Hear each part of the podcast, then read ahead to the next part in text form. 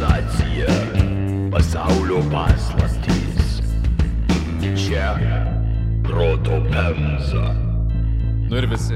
Gera buvo, gera, čipolinai su tavim. Nežinai šitas dainas? Aš irgi nežinau. Rimtai, dabar viskas. Baigėm įrašą, klausom pralaičio. Labas ištikimieji mūsų klausytojai ir klausytojas. Sveikiname įsijungus Proto Pemzą. Vienintelį šau suteikianti ne mažiau pasitenkinimo nei gaunama nulopus traškiausią kojas šašą. Kilkite iš savo karstų, mėlyjei, laikas pristatyti nemirtingąją šiandienos komandą. Juodą apsaustą praskėtas, jums galva lenkia vienintelis Lietuvos deivokeris - Bleidas Aivaras. Džambo, tariu aš jums, mėly proto pemzos klausytojai. Demoniškai gundančią šypseną jums siunčia ne kas kitas, o tikrasis Punsko Luisas Depointas Duliakas - Tomas. Ahoj, hoj. Slėpkite nuotakas ir pamirgės brangiai, nes į audio sceną žengia romantiško nerūpestingumo įsikūnymas Paulas Edvardas Kulenas. O. Visi tokius cool gavo. Jis fucking cool, dude, yra... Pažiūrėk, pavardė Twilight. cool. Okay. Pažiūrėk, bičias iš Harry Potterio, ne? taip, taip, taip. Na, o laidos vairalas tarp kojų šiandien laikysiu aš. Jūsų rūsio įnamis, vienintelis ir ko gero pakartojamas Kolinas Vilius Robinsonas. Labas, vėliau. Sveiki. Laidos pavadinime įvardinto klausimo What the fuck yra vampyrai man niekas neuždavė. Smalsumas suformavo artimos aplinkos žmonių, dažniausiai moteriškos lyties, susižavėjimas popkultūros vampyrais. Ir tokia mes ir Pemza, jei į tai nebūtume pažiūrėję gerokai per rimtai. Tad šiandien, mėlyje ir mielosios, išgirsite, iš kur atsirado vampyrai. Nedidelis spoileris, ne, tai ne Rumunija, tačiau taip, tai rytų Europa. Prieš nerdami į kraują upes, sušlapti nespėjusią dešinę mušame šaltinių autorių delnus. Įtin žemai lenkiu galvą gotikos ekspertui, profesoriui Nikui Grūmui, parašysiam ko gero įdomiausią mano skaitytą šaltinį, aukščiausios prabos veikalą vertą penkių pemzų iš penkių pavadinimu The Vampire. Padėkoti norėčiau ir tinklaldės Behind the Bastards kuriejams, epizodu apie Drakulos kilmę atvedusiems mane prie susidomėjimo vampyrologija bei jo ekscelencijos pono Grūmo. Bet pradėkime žinoma nuo pagrindų. Paties žodžio vampyras. Tai per daug negalvojant, e, kolegos, kaip manote, kiek tūkstantmečių amžių ar dešimtmečių skaičiuoja šis terminas? Tris. Ką? Tai kaip klausai, taip atsakiau. Tai dešimtmečius, tūkstantmečius. Tūkstantmečius. Tris tūkstantmečius. Taip. Okay? Tai turim tris tūkstantmečius.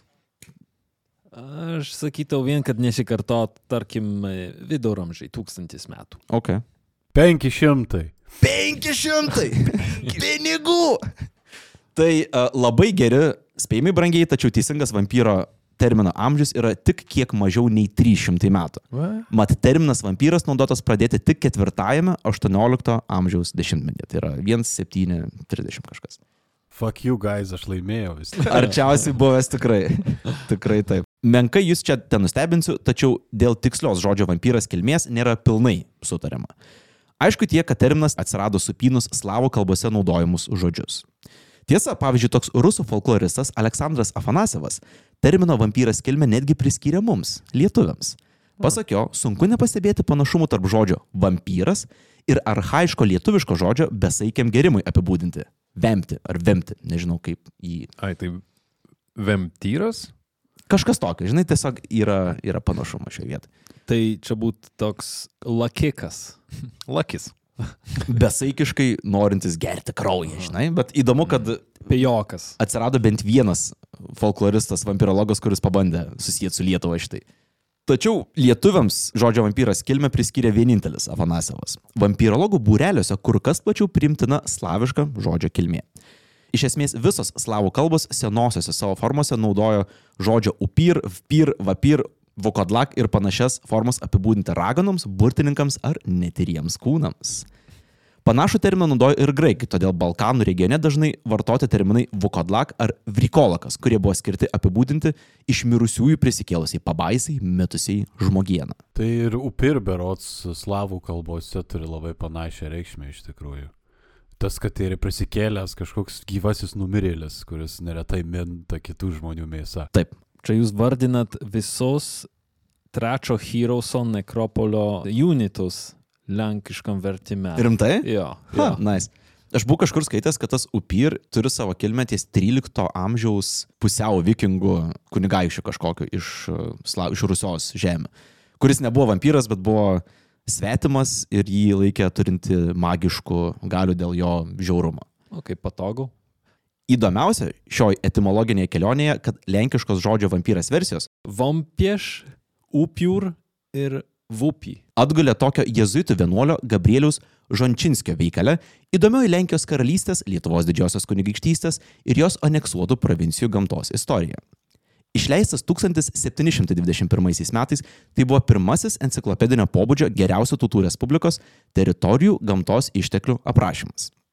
Apie Žončinskio aprašytus įvykius kalbėsime kiek vėliau, tačiau dabar svarbu, kad knygą pasigavę vokiečiai perėmė vampyro terminą, kurį iš jų perėmė prancūzai, o iš jų galiausiai perėmė ir britai. Ir volia, iš knygos apie mūsų žemės iškeliavęs terminas galiausiai grįžo pas mus vampire pavydalu. Skamba kaip pamfletas, kuris įrodo, kodėl jūs parapijai būtinai reikia jezuito. Gali būti. Šiaip ten visai, kaip supratau, visai didelis traktatas, kalbantis apie labai platų spektrą temų. Paslaugų.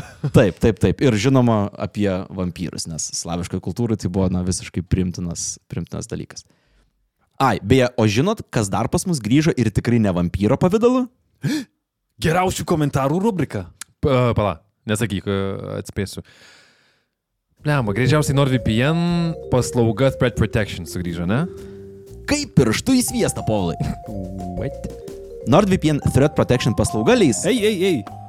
O šiandien aš galiu papasakoti apie tai, kad e, NordVPN paslauga Threat Protection užblokuoja visokias kenkėjiškas svetainės, apgina tave nuo duomenys renkančių cookies ir visokių priklų reklamų. Tai pirmin, tik nepamiršk pasa... Pala! Jau kad NordVPN Threat Protection yra tiesiog puikiai prevencinė priemonė, padedanti aptikti ar netyčia kokio viruso neparsisintėt, papasakosiu aš. Maža to, Threat Protection turi programinės įrangos pažeidžiamumo aptikimo priemonę. Mhm. Nuskaitysit savo sistemą ir sužinosit, ar nereikėtų atsinaujinti, kad koks internetinis vagis nepasinaudotų, ar internetinis vampyras neiščiulptų ko. Bijau ką ir sakyt, kad nenutrauk. Jei norėtumėte turėti tokį saugumo lygį, o aš primiktinai rekomenduoju norėt, tai eikite nordvpn.com slash protopemza ir įsigysit NordVPN paslaugą su nuolaida ir dar keturis mėnesius gausit nemokamai. Čia dar tik pridurčiau gerbiamas Tomai, kad jei kažkas nepatiks, tai net 30 dienų galėsi susigražinti pinigus. Gali jau pasakyti, ką nors. Tik atsargiai už tai, kad baigsis kaip aivarui, kad tyliai būti paliksim. Ok, tai tik pasakysiu, kad eikite visi, maži ir dideli, į nordvpn.com slash protopemza. Geresnio laiko apsisaugoti nuo brudo internete tikrai nebus. Šiandien mes kalbėsime būtent apie 18 amžiaus pradžioje užgimusi vampyrą. Ir kad nepasiklystume tarp skirtingų kraujo gerių, inkubų, sukubių ar demonų, privalau užtarti. Apsibrieškime savokas. Ah. Kokius tris esminius vampyro bruožus išskirtumėt jūs? Turiuomenį tris bruožus, kuriuos žinant, tu jau tiksliai žinai, kad kalbė apie vampyrą. Tamsų sakiniai, lietpaltis ir techno muzika. Tu čia vokietį. Jo, Berlynas Aivaras. Bleido vaidmenį yra pilnai. Aš išskirčiau priekinius tuos dantis, nu ne priekinius, bet pirktinius.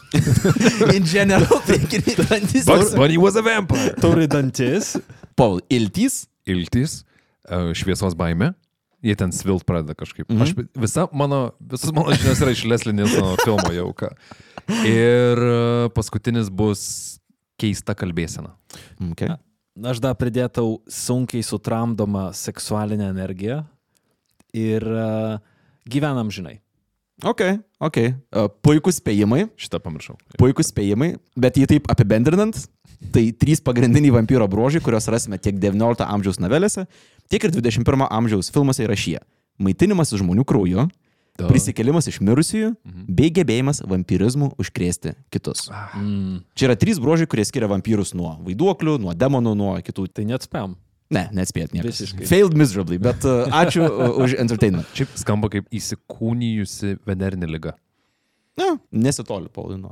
Yra ir interpretacijų, kurios kaip ir pristatė vampyrą kaip e, venerinės lygos tokia manifestacija žmogaus formoje. Nežinau, vėliau apie tai kalbėsi, bet ten visai įdomi mitologija apie tai yra sukurta. Tiesiog gal pasakyčiau, kad kaip lygos, labiau tiesiog kaip vampyrai turi tą sąsąją su epidemijom. Būtent šių trijų savybių mišinys skiria vampyrus nuo kitų mitinių būtybių. Kaip itin elegantiškai pastebėjo Grūmas, vampyrai buvo atrasti susikirtus rytų Europos folklorui ir apšvietos racionalumo idėjams. Tai empiriniai padarai paliekantis apčiuopiamus įkalčius, leidžiančius metodiškai tirti jų egzistavimą. Atkreipčiau dėmesį, kad vampyro bruožai nenukrito iš dangaus. Tai nebuvo, kad kažkas užrašė tris tos bruožus, suformavo būtybę ir staiga mes turim vampyrą. Ne. Pavyzdžiui, žmonijos fascinacija su krauju skaičiuoja net ne šimtus, o tūkstančius metų. Kraujas visada simbolizavo gyvybingumą, todėl jėgas atimantis demonai, besiveržinti priešo kariuomenę ar užknisantis kaimynai nuo seno buvo kaltinami kraujo čiulpystę. Kraujočiulpo. Kraujočiulpa, kraujočiulpystė, kraujočiulpa. Ačiū, po puikus, puikus terminas. Kartu kraujas buvo ir magiška tyrė, palaikanti ir net sustiprinanti kiekvieno gyvybę. Pavyzdžiui, Romoje po gladiatorių susidūrimų epileptikai skuosdavo į valomą areną. Ten puldavo ant kelių ir nelik Baris Kyganas toje Solburn scenoje nuo grindinio sirpčiadavo mirusių kovotojų kraują. Jau. I know. Gladiatorių are- arena buvo išklota smėliu, tengi viskas ant smėlį subaigdavo. Ką jie čia? Man kilo Tomai tas pats klausimas, neradau atsakymą. Aš įsivaizduoju, kad kraujo buvo tiek daug, kad gal vietom susiformuodavo balutės, kurios nespėdavo susigerti smėlį iš karto. Arba gal jie buvo neipatingai išrankus, jeigu jau čiulpi kraują nuo... Žlaugi smėlį. Tai jo, žinai, vis, vis šiek tiek nutrition. Braškinis smėlis. Čia tiesiog galima pavadinti romėnišką halvą. Nice. Uh, trademark uh, turim mūsų jau ką yra. Proto Pemzas trademarkas yra romėniška halva. Laukite merčio. Auč. Tuo tarpu viduramžiais šventoji Hildegarda Bingenietė raupsus gydyti kvietė menstruaciniu krauju, o 41-ame Proto Pemzos epizode apkalbėta Elžbieta Batarė nevakvietė jų natviškumo maudynėms nekaltų mergaičių kraujyje. Tiesa, aukščiausios prabas buvo šventųjų ir nuteistųjų myriopų kraujas. Jei nuteistųjų syvai neva turėjo atnešti sėkmę, kankinių kraujas turėjo padėti išgyti. Pavyzdžiui, kankinio Tomo Beketo kraujo buvo norima taip stipriai, jog po jo mirties reikiavosi eilės norinčio gauti nors lašą vandens, kuriame buvo mirkyti krauju, krešuliais ir kitais kūno syvais persisunkę kankinio rūbai. Puikia investicija. Gali, gali paskui skelpint. Realiai su, su tokiu kraujugi tu gali įkurti parapiją. Nes Tikriausiai. reikia bažnyčios fundamentui kažkokios šv- šventosios relikvijos. Aš tik skaitydamas apie tai vis negaliu atsidžiaugti, kad mes ne, gal nebesam ten jau šitoj vietoj, kur reikėtumės eilėse prie šašuoto kraujo nuoplovų, mm. manydami, kad tai padės mums išgyti. Tai ačiū tikriausiai, modernybei, negyvenkim niekada anksčiau. O ne, tokį įsivaizduoju tuos medalionus, kur būdavo atverti ir laikrodukas, tai čia atverti ir šašas. Mhm. Jo, ir, ir kiekvieną dieną po mikrodauzinį to šašu, žinai, kad... Ir liūdniausia dalis, kad tai nepadeda. Jeigu dar bent jau padėtų, bet net tas atvejs. Žmonės gali būti labai šlykštus padarai, todėl nebuvo apsiribojama vien krauju. Nelyg Vuhano turguje žmonių taukai, rankos, pirštai bei gimdymo metu mirusių kūdikių širdis nuo seno buvo laikomi vaistais. Vienas kraupesnių žmogiškų medikamentų gamybos atveju priskiriamas Austrijos Graco miesto vienuoliams. Prieš kiekvienas Velykas jie iš ligonio tarpo atsirinkdavo vieną gyvybingą jauną vyrą. Vienuolių Rusija nelaimingasis būdavo pakabinamas aukštinkojomis ir čia nemeluoju, kutenamas iki mirties. Jei mirties būdas galėtų kelti šypseną, abejoju, ar jie liks sužinojus, kas nutikdavo kūnui. Grūmas rašo. Garbingiai broliai valandų valandas virindavo lavoną. Iš jo buvo gaunama tiršta tyri, kuria kartu su paukotojų riebalais bei sutrintais kaulais vėliau būdavo prekiaujama vienuolių vaistinėje. Tamara gimė per vėlai. no. O kaip būdavo naudojama? Tepama tiesiog kažkokias vietas? Žinai, nebuvo labai daug informacijos apie tai, kaip naudodavo, bet tai buvo, kaip supratau, bendrosios paskirties preparatas, tai galvok apie aspiriną, ne? Tai Žvaigždutė. jo, principė taip, principė visiškai, visiškai taip. Ką visa šita bjaurastimi noriu pasakyti, tai kad dar gerokai iki vampyro atsiradimo gyvieji ne ką mažiau mėgo smaguriauti žmonių syvais. Gyvybingumą sieja su krauju ir kūnu, perduos šį įsitikinimą ir mūsų laidos herojams. Tačiau, kad gauti tikrą vampyrą, mums reikia daugiau. Prisikėlimą. Jo, nes jeigu tik tai suvalgysi, tai tu esi geriausiu atveju gulas. Jo, taip, taip. O tokių demonų, kurie mito žmonių mėsa per visą istoriją buvo Tikrai nemažai. Tie patys, tarkim, vilkolakiai kitose kultūrose buvo, na, žmogaus mėsa mintantis mm. dalykai. Jei pop kultūroje teko susidurti su vampyrais, veikiausiai pastebėta, kad tokiais tampama tik po mirties. Kitaip tariant, įdant taptų vampyru, žmogus pirmiausia turi mirti ir tada prisikelti naujam gyvenimui. Nors krikščionių liturgijoje prisikelimas buvo išimtinai Dievo jurisdikcijoje, tai reiškia, kad tik Dievas gali prikelti iš numirusių, mhm. rytų Europoje, o ypatingai Balkanų regione, legendos apie gyvenimui prisikėlusius slavonus pergyvena Jėzaus kultą. Ai, tai jie supaprastino. Jie tiesiog pasiliko toliau šitą dalyką. Jie mm. neišmetė dėl religinių motyvų, folklorinės istorijos, kad kažkas gali prisikelti iš numirusių. Pas juos buvo tai prieš ir tiesiog liko mm. toliau, nes tai buvo taip stipriai įėję į kultūrą. Pavyzdžiui, Serbijoje tikėjimas taip vadinamaisiais nemireliais arba iš kapo grįžusiomis būtybėmis buvo įgavęs tokį pagreitį, jo karalius Stefanas Dušanas dar 14 amžiaus pirmoje pusėje išleido įstatymą, draudžiantį gyventojams iškasinėti ir deginti įtariamus numirėlius. Man visada tokiais atvejais įdomu yra, ar žmogus, kuris išleido šitą įstatymą, išleido jį, kad nuramyt mases ir jis šituom visai netikėjo, ar jis mm. nuoširdžiai tikėjo, kad yra galimybė, kad tai yra tikra ir verčiau uždraust. Nei tas, nei tas. Kai atsirasdavo įstatymai draudžiantis kažkaip elgtis su negyvais žmonėm ir lavonais, dažniausiai būdavo bažnyčios prašymu, nes bet kas, kas susijęs su palaidojimu arba prisikelimu, yra visiškai bažnyčios jurisdikcijai. Ir jeigu tu pradedi kištis į šitą dalyką, tada eini prieš bažnytinę liturgiją. Prieš monopolį. Taip, taip. Taip. Verslui nepatinka. Klausimas, kiek tai buvo sąmoninga, ar ne, toks šiek tiek profilaktika prieš mikrobų ir visokių virusų plitimą. Nors čia klausimas, kiek galėjo būti žmonės, tai suprantantis tais, tais laikais, kai kuriuose vietose, gūdesnėse šiek tiek. Kaip vėliau pastebėsim, tai tikrai dažnai yra susiję su kažkokia pamatinė baime epidemijos. Nes kaip matysim, vampyro atsiradimas dažniausiai reiškia netikėtą užkratą ir netikėtą mirtį. Mums kur kas artimesni kašubai, šiaurės vakarų Lenkijos gyventojai, mane, kad upiorais tampa vaikai gimę nepažįstoje emnioninėje membranoje bei turintis du dantis. Jeigu nežinot emnioninę membraną ir kaip atrodo vaikas gimęs, jie atrodo, kad vaikas būtų gimęs maišelėje su vandeniu. Taip būna kartais. Ir būtinai du dantis. Būtinai du dantis, taip. Mirties metu tokie padarai neva atsisako Euharistijos, o jų kūnas po mirties išlieka šiltas. Mirties dieną, išmušus 12 nakties, padarai nubunda, plačiai atsimerkia ir karste pradeda murmėti. Tokios būsenos jie gali išbūti savaitės ar net mėnesius, pirmiausia misdami įkapėmis ir savo pačių kūnais. Visgi užkandžiai baigėsi ir išsilaisvinę iš kapo padarai keliauja misti artimaisiais. Upioro įkandimas garantuoja, kad tokiu pat siubūnu pavirs ir jo auka. Apsisaugoti nuo pabaiso kažubai siūlė ant jų lūpų paliekant kryželį ar į burną įspraudžiant akmenį, kad prabudęs siubūnas susilaužytų dantis. Dėl visako lavonai dar būdavo nupjaunamos visos kojų sausgislės, o karste virš kūno pakabinamas tinklas. Žiupsnelis namų žemės garantuotų, kad baidyklė neras kelio į savo namus, o į kapą pribėrus sėklų bent jau atidėtume susitikimą su būtybė, mat prieš pakildama ši privalo atsakingai suskaičiuoti kiekvieną sėklą. Na, o jei nei viena iš šių apsaugų nesveiktų, pabaisai į kaktą reikia suvaryti vinį, galvą nukirsti ir padėti prie kojų. O kas sugalvojo, kad jie būtinai turi sėklą skaičiuoti? Kas čia per taisyklė? Iš kur čia atsiranda tokie dalykai? Teko skaityti paaiškinimo, kad tai susijęs su požiūriu į autizmą, nes yra formų, kuriuose žmonės paniškai skaičiuoja kiekvieną, kiekvieną dalyką ir kažkur tai susijungia ir nuėjo į vampyro apibūdinimą. Bet skamba kaip labai daug instrukcijų kažkam, ką galėjai tiesiog supratęs, kad tai nebus laikoma toliau po žemę arba ant žemės paviršiaus gali tiesiog sunaikinti.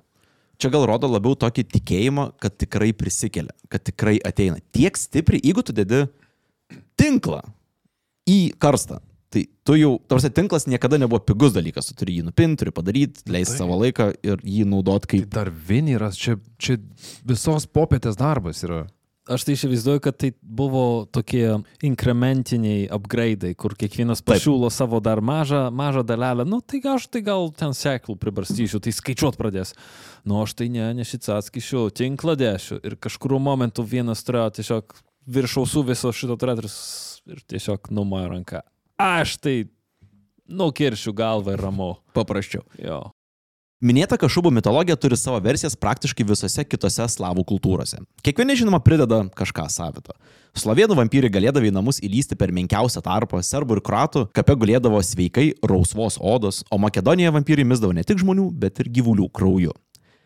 Pietų slavai tikėjo, kad užmušto vampyro kraujas turi gydomųjų savybių, todėl amžininkai mena ne vieną atvejį, kuomet kaimiečiai atkasdavę įtariamą vampyro kapą, nukirzdavę šiam galvą ir pradėdavę trinti vienas kitą lavono krauju.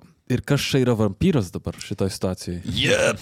Aš norėčiau pamatyti tą reivo vakarėlį, kur susirinka grupė kaimiečių, išsikasa karstą, sukapoja lavoną ir pradeda viens kitą trinti. Ah, yeah! Čia ta, Jo, bet- čia ta pirma Bleido scena tik su akordeonu. Kažkas. Jo. O tu galvoji, kad faina, kai pas močiutę į kaimą vasarą atvažiuoji ir Va čia tikras rumšiški festivalis. tai jei galvot, kad čia hardcore. Prūsijos apylinkėse žmonės ėjo žingsnių toliau. Buvo manyta, kad pasveikti nuo užkrato galima vampyro kraują gerinti tiesiai iš nukirstos lavono galvos. Ir tokios praktikos aprašomas dar net 1877. Tai 19 amžiaus pabaigoje kažkur Prūsijoje žmonės nukirzdavo galvą ir iš jos tiesiai gerdavo kraują. Bielinis gyvas buvo tada. Taip. It's What? insane.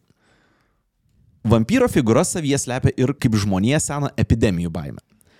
Pavyzdžiui, juodojo maro epidemijos metu manyta, kad liga plinta per taip vadinamą blogą orą, o piktavalį gali apkrėsti nužiūrėjo blogą akimi. Iš čia beje atsirado vampyrams priskiriamas telepatinės galios, leidžiančios aukas paveikti žvilgsniu ar kontroliuoti per atstumą. Per įkandimą plintanti vampirizmo užkrato baime stipriai susijusi su žaibiškai plintančiomis lygomis. Paimkime, kad ir cholerą. Tarsi iš niekur XIX amžiuje Europoje nusėdusi lyga, aukas galėjo sudaroti per viso labą 12 valandų. Sergančiuosius kamuodavo ryžių vandenį primenančio viduriavimo priepoliai, sunki dehidratacija, nestabdomi vėmimo protrukiai, išbaldavo odą, o žmogus sudžiūdavo it razina. Labai mielas epizodas iki šiol. Jei! Toks glostantis. Nežinant, kad lyga plinta per vandenį, rodėsi, jog ji tarsi mistinis prakeiksmas. Todėl priskirti epidemijas pavyzdžiui vampyrams galėjo būti kur kas jaukesnis pasirinkimas nei galvoti apie absoliučiai atsitiktinę mirtį. Legendinio kūrinio Drakula autoriaus Bremo Stokerio mama Šarlotė, išgyvenusi choleros epidemiją Airijoje, sūnui užrašė savo prisiminimus. Vieną vakarą sužinojome, kad ponia Fini labai stora moteris, kuri buvo muzikos mokytoja, staiga susirgo ir numirė. O gydytojai paliepus buvo palaidota vos už valandos. Išbalusiais veidais vyrai šnipždėjo, kad tai cholera. Šnipždėsiai netruko peraukti į vaitojimą, nes jau kitą dieną kai kuriuose kaimo trobose buvo bent du ar trys lavonai. Vienas šeimas lyga puldavo, o kitų pagailėdavo ir nebuvo jokio būdo žinoti, kas sekantis. Ir tai, ką Aivaras ką tik papasakojo citatui, yra ne tik su cholera susijęs dalykas, tai yra praktiškai visa žmonijos istorija iki modernios medicinos. Prasideda kažkokia neaiški lyga, staiga pradeda mirti dafiga žmonių, tu nežinai kodėl. Ir žmonės būdavo ypatingai įsibauginę uh, ne pavienių, o grupinių mirčių. Tai tarkim, jeigu tu gyveni kaime ir staiga miršta 2-3 žmonės. Dažnai šis įvykis būdavo priskiriamas vampirizmui kažkokiam. Mhm. Kai ką tai slepia, ne? Ir tai slepia epidemijos baimę. Ka- Baimė, kad prasidėjo kažkokia nauja lyga, kažkas nepažinto vėl ateina, nes tu visą gyvenimą pragyvenai matydamas bent vieną, dvi, tris epidemijas. Labai įdomiai timelinas eina, kaip anksčiau tokius dalykus turbūt nurašydavo dievams. Arba tavo, kažkoks tavo buvo feilas, kad kažkaip tu nepatenkinai uh, tokių dievybių danguje, ar kad ir kur jos yra, kad pagoniškų kažkokių tai dalykų, ne? Ir koks yra įdomus amžius turbūt atspindintis posūkis, kai tu visus tuos pačius dalykus, nes negandos ir visos lygos, manau, kad primaš tas pačios buvo, ne? Bet tu staiga paėmė tokį labai tamsų posūkį, kuris labai atspindi tuos laikus, kuriuose tu ir gyveni, kad tu nueini į tokį vat vampirizmo kraujo, tamsos ir gėrimo kraujo iš galvos etapą. Jo, bet matai, ligas priskirdavo, tarkim, kol nebuvo paties vampyro kaip susiformavusio kažkokio reiškinio, priskirdavo demonam ar, mhm, ar dar kažkam. Ne visą laiką tai buvo Dievo rykštė, bet Dievo rykštė irgi buvo vienas iš variantų, kodėl epidemija galėjo, galėjo ateiti. Mhm. Bet pats motyvas, kurį užšėpi, būtent, kad visada Kai tu visiškai nežinai, kaip plinta lygos, kad yra bakterijos ir virusai, tai tiesiog mhm. nėra tavo žinių laukia, visada atsiranda kažkoks būdas bandyti tą paaiškinti, tai visiškai mūsų natūrų ieškoti kažkokio bent jau paaiškinimo tai visai blėtstvai, kuri vyksta aplink. Personifikuot pavojų. Jo. Mhm. Ir ieškot būdų, kaip jo išvengti. Tinklą uždėsim ant karsto, pribarstysim sėklų. Kažkaip mes vat apsisaugosim nuo šito mhm. dalyko. Per tą laiką, kol sugalvoji, lygatis praeina savo laiką, baigėsi, bet tau atrodo, kad tu radai, kaip, kaip jie nugalėjo. Daugiau traškių detalių apie choleros protrukį Airijos Sligo miestelėje bei Bramo Stokerio kūrinį Drakula papasakosime kitą savaitę 68-ame idėjų komposto epizode, skirtame mylimiausiams mūsų kontribį rėmėjams. Proto Pemzos kontribį paskyroje rasi be ne šimtą niekur nepublikuotų laidų, galėsi pretenduoti Proto Pemzos marškinėlius ar sulaukti kvietimo susitikti. Visą tai už kelis mizernus eurus, kurių net alaus bokalui ar trims bare nepakaktų. Nesikoklink ir užeik. Ne, tai turėjo nebūti daugiau reklamų. Aha. Sugrįžkime į 17-18 amžių sandorą. My favorite. Ten mes jau turime gan nuosekliai susiformavusią slavišką mitologiją apie iš kapų grįžtančius padarus vadinamosius upiorus, upyrus ar kaip juos be pavadintume. Ne ką mažiau svarbu, kad greta vyksta tikra minties revoliucija - apšvietos ir empirinio mokslo gimimas. Greta chemijos, astronomijos bei matematikos įsižiebė ir medicinos mokslas, todėl vyksta nuodugnus žmogaus kūno tyrinėjimas. Tuo metu šviesuoliai pasaulio pažinimui plačiai atvėrė akis, ėmė konspektuoti iš rytų sklindančias istorijas apie vampyrus Manydami, kad naudoja mokslinį metodą, jie užrašinėjo nuogirdas, perpasakojimus, rinko įrodymus bei idėjas ir taip pradėjo formuoti vampirologijos išteklius, kurie ilgainiui suteiks šitam fenomenui tikrumo prieskonę. Skamba kaip socialinis mokslas. jo, pradžia, pradžia tikrai tokia. Įdomi dalis tikriausiai yra ta, kad jie mane, kad tai, ką jie daro, yra moksliška, bet, sakykime, šaltinių verifikacijos procesas dar buvo šiek tiek labiau Tamsoje. Uh, miglotas negu, negu yra dabar. Bet idėja, teis, širdis teisingų vietų yra, žinai, bet, bet dėja ne iki galo. Pavyzdžiui, 1672 Kroatijos Istrijos mieste Juras Grando prisikėlė iš kapo ir pradėjo puldinėti kaimynus. Čia užrašinėja to meto mokslininkai šitą. Kviestasi kunigo, kuris atliko egzorcizmą, tačiau viskas baigėsi tuo, kad kaimiečiai nemirėliui tiesiog nukirto galvą. Prisikėlė iš kapo? Taip. Jis jau buvo užkastas? Taip ir išsibeldė kažkaip lauk. Išlipo laukan ir pradėjo puldinėti kaimynus. Taip. Šiaip čia susipažinęs būčiau, bet tas buvo. Kokią velnį užkasėt jo. Ir kažkas jam nukirto galvą ir paskui prieš draugus gyrėsi, kad nužudė vampyrą. Jo. Ir dėkingiausia dalis, kad kai mes kalbam apie nukirtas galvas, tai yra išimtinai kape įvykę procesai niekada niekas nenu, nenužudė vampyro einančio gatve. Mhm. Ne, ne, ne. Visą laiką jį rasdavo neva mėgantį, mhm. nukirzdavo jam galvą ir būdavo, aha, vampyro žudikai. Išanalizavęs tuntą tokių pasakojimų, austrų mokslininkas Filipas Roras nustatė, kad, kaip ir bylojo slavų mitologija, dažnas nemirėlis karste aptinkamas apgraužęs savo paties rūbus. Kai kuriais atvejais atidarius karstus pasitaikydavo ir tikrų šefo komplimentų. Kruvinomis lūpomis pasruvę lavonai, dalinai nugriauštomis galūnėmis ir sumaitotais vidaus organais ištrauktais iš vidurių. Iš, ištrauktais. Įsivaizduok gulinti lavono, kurio žarnas yra nebe pilvo viduje. Nu jo, bet kodėl prielaida, kad jie neišbėgo patys arba mhm. neišsprogo kartu su dujom, kurios kaupėsi kūne tik tai. Nes dažniausiai būdavo matomos arba kandimo žymės, greužimo žymės, arba tai atrodavo, kaip būtų procesas įvykęs su kažkokia išorinė jėga, ne savaime mhm. išpuvę. Aš įsivaizduoju, kaip kažkas atkašė tą karstą aplinkui trys tokie stori šonės benamiai. ir visą laižą. Viskas pamato. Vampyras. Nors daugėjant raštingų ir smalsių mokslinčių skaičių panašių istorijų 18 amžiaus pabaigoje daugėjo, nei viena jų neturėjo visų moderniam vampyrui apibūdinti reikalingų bruožų. Pasak Grūmo, kibirkštį moderniam vampyrui įžiebė jau minėto Gabrieliaus Žančinskio įdomioji ATR gamtos istorija. Veikalo autorius knygoje citavo jėzuitą Gengelį, ar Gengelį, aš nežinau. Bet jis aprašė pirmą pilnavertį vampyro apsiriškimą, kuriam apibūdinti ir panaudotas slaviškas upior ar upier terminas. Gengelis rašo. Patikimi liudytojai man dažnai pasakodavo, kad palaidotųjų kūnai būdavo randami ne tik nesupuvę, bet visiškai nepažeisti. rausvos odos ir pilnai lankstus. Negana to, kartais jie galėdavo judinti galvą, akis ir burną.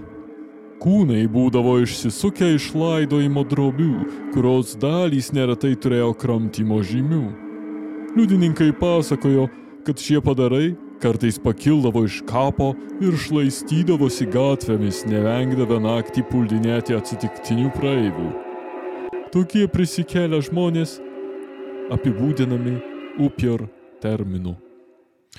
O gal buvo visai verta investuoti į geresnį tyrimą, ar žmogus jau iš tikrųjų numiręs, kai tu jį užkasniai. Ne, ne, Pavlai, tu nesupranti.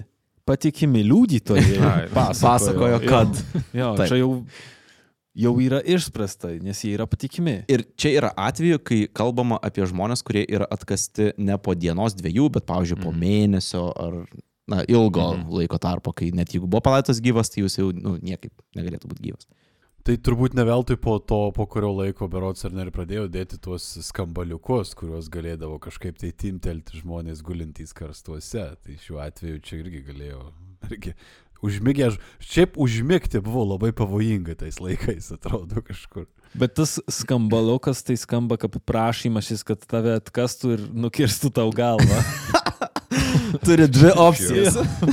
Ir kol, kol lauki, kol atkas, tu tik nevalgyk tų drobių ir savo lūpų nekandžiok. Mhm. O šiaip e, jūsų žiniomis, teoriškai, jeigu, tarkim, užkastume žmogų, mes nežinom, aišku, kokie buvo. e, Savanori protopemza.gmail.com. Jeigu užkasė tave karste, mes aišku nežinom lygio karstų e, prieš 400-300 metų. Bet jeigu tave užkasa karste, oras nepraeina, ne? Tu uždūsti Jo, su laiku. Okay. jo, bent jau teorija. Tai kiek tu laiko užkastas turi paskalambinti varpeliu? Nedaug. Marosi kelios valandos ar mažiau, net. A, labai okay. labai nedaug laiko yra šitam dalykui. O taip, pala, jeigu tu turi skambalukas, tai ten turi būti kažkokias vamzdys, siūlui. Virvutė. Tai per ten ir eina. Tik oras. nepakankamai oro, kad tu išgyventum, nes reikia daug oro. O ten greitai. Nes tave kaip palaidė, tu būni be sąmonės, tu vis dar kvepuoji tą ribotą oro kiekį karste, mm. tai labai įdomu, kada tu atsibundi, pavyzdžiui, atsibundi, kai jau trūksta oro, nes atsibudai dėl to, kad trūksta oro, pavyzdžiui. Bet to skambaliuko virvutė turėtų kažkokiu tai būdu ateiti iki tavęs, tai turėtų kažkoks oras įeiti. tu bandyk įsivaizduoti, pavyzdžiui, eini kapinėse, ne? Ir matai, kad skambina Nope, skambaliukas. No, No, no, no, no. nope. Keičiu darbą iš karto. Ne šiandien uh, dylinsim su šitą problemėlę. Ir šiaip norėčiau pasakyti, kad skambaliukus dėdavo tik tai labai turtingose kapinėse, nes skambaliukas yra uh, sukurtas, suformuotas metalo gabalas, kuris yra prabangos prekė, bet kur pasaulyje iki, nežinau, 1950 metų tikriausiai. Tai Įdomu, kiek žmonių, kiek narkoleptikų tiesiog sako, žiūrėkit, padarom dabar varpelį man ateičiai. Jo, aš galvoju, būtų viskas taip paprasčiau, jeigu tiesiog žmonės, kurie laidoja, turėtų tą prevencinę kuoką ir tiesiog stukteltų prieš. Nu, dėl visako, žinai, kad, kad jeigu jau laidojam, kad tiksliai žinotume, kad... uh, Jo. Nu, Toks- jo, arba gali nukirst galvą. Va. Vėliau, jeigu kada nors e, nulėksi atgal į praeitį, žinosi nišą naujam verslui, nes čia man atrodo buvo neišnaudota verslo galimybė. Bičias su kuoka, kuris tiesiog tikrina, ar viskas gerai. Aš jį labiau matyčiau ne kaip bičia, kuris tikrina, bet kuris pasirūpina, kad viskas tikrai yra gerai. Kad mes tiksliai laidojam, jo. Laidotuvių auditorius. 1721-aisiais lotynų kalba parašyti Žančinskio knygai pasiekus vokiškas žemės, pseudomokslinėje to meto sąmonėje buvo ne tik pasėtas upior terminas, ilgainiui virtęs mums žinomu vampire, bet ir sukurtas trafaretas įrėminti visas bevardės nemirėlių istorijas kylančias rytų Europoje. Ko ne iškart po to sekė reiškinys iki šiol žinomas 18 amžiaus vampyrų epidemijos pavadinimu. Tai šitoje vietoje tik tai noriu atkreipdėmėsi, jeigu dar nepakankamai visi įsisamonom, kad didelė dalim tai, kad vampyrai yra tokiu pavadinimu ir tokia forma, kokią mes juos žinom, yra atėję iš abiejų tautų respublikos. Iš būtent tos knygos, būtent to gengelio aprašymo, kuris perėjo tiesiog kaip le- legitimi knyga toliau ir suformavo labai didelę sąmonę tų dalykų. Leslio Nilsino filmas, kur tu žiūrėjai, Taip. savo šaknis gali atsekti iki ATR istorijos. Atsiprašau, aš tik noriu pasakyti, nėra už ką pasaulyje. Tai vadinasi, kad bleidas yra šiaip toks labai... Uh, Lenkas! Sa, savas, jo, savas žodis, tai toks mūšiškas bandas. Ble, bledas. Mano minėta 18 amžiaus vampyrų epidemija yra aprašyta taip nuosekliai, kad net žinome, kas buvo tas pirmasis vampyras. Nikolas Keidžas. Ne. tai nesmailiausias Nosferatu, ar Didikas Drakula, ar Nikolas Keidžas. Pirmasis vampyras, ponės ir ponai, buvo valstietis iš Serbijos Kisiliovos kaimo Peteris Plogijovicas. Žinojau. Peteris iš numirusiųjų prisikėlė 1725 ir per kelias dienas mirtinai nusirbė aštuonių žmonių kraujo atsargas. Kilus panikai buvo nuspręsta iškasti Peterį iš po žemę. Dešimt savaičių karste gulėjusio vyro ekshumacijoje dalyvavęs Gradiškos apskirties valdininkas aprašė įspūdžius. Pirmiausia, atidarius karstą nebuvo jausti jokio mirusiesiems būdingo kvapo. Pats kūnas, išskyrus kiek atvėpusią nosį, atrodė tarsi vakar palaidotas. Jo plaukai ir barzda buvo paaugę, matėsi, kad jis nusimetė senus nagus, kurių vietoje užaugo nauji. Senoji oda, kiek papilkėjusi ir nusilopusi, tačiau vietoj jos matėsi šviežias, sveikam žmogui būdingas odos sluoksnis. Dideliai visų mūsų nuostabai jo lūpų kampuose matėsi šviežio kraujo pėtsakai. Kansarų ten mėtėsi dar karstas. Žurnalas padėtas, pavartytas šiek tiek. Bambalis kažkur dar ten. Bet pabandyk, Ilsėjosi žmogus. tiesiog. pabandykime įsivaizduoti šitai iš to meto žmonių perspektyvos, kurie vėlgi nelabai turi daug konteksto na, apie dekompoziciją, apie tai, kaip na, vyksta pats biologinis procesas. Mhm. Tu atidarai karstą ir tu tikies pamatyti košę realiai, ar greučius, ar nu, visišką mhm. puvėsę, ne? Ne, ne į žmogų panašų jau Jo. dalyką. Ir būtent tas faktas, kad tu matai nuaugusius nagus ir nuaugusią barzdą, pakeistą odą tau rodo, kad tai A. Nu, tai jau nebėra žmogus, mhm. bet tai yra gyvas padaras su žmogaus kažkokiu pavydalu. Ne? Ant kiek turėjo būti keistas momentas, kada jie atkasa daro ir... E, nesmirda. Toks... Jo, bet, bet Tomai, rimtai, jeigu atidarytum karstą, ar nebūtų keista, jeigu nesmirdėtų? Rimtai, taip pat pirmas dalykas, ko tikies, yra kvapo, jo? Voko, jo. Jo. Labai mažai karstuos atidarė, žinok. Tai. Kol kas, Paulai, kol kas. Naktis jauna, kaip sakom. Šiaip taip, off topic, bet uh, girdėjau, kad pavyzdžiui... Draugas pasakoja. Here we go. Mumijos, Egipto mumijos, kad jos nesmirda, priešingai, kad jos labai gražiai kvepia. Nes jas ten prikiša visokių prieskonių ir kvapų ir, ir išima tai, kas pūva. Būtent, va. Tai, tai jo, tie puvi, tavo Tai tai gali viduriai ir smirda turbūt. Tai reiškia, kad gali tikėtis, kad uh, nesmirdės. Jo, jeigu tai yra paruošta, arba yra neįtikėtinai palankios sąlygos, kad kūnas iki galo nesupūtų. Išvykę netikėtai gerai išsilaikysi Peterį valdininkai laiko veltui nešvaistę, griebėsi kuolą ir pagal vietinę tradiciją suvarė tiesiai jam į krūtinę.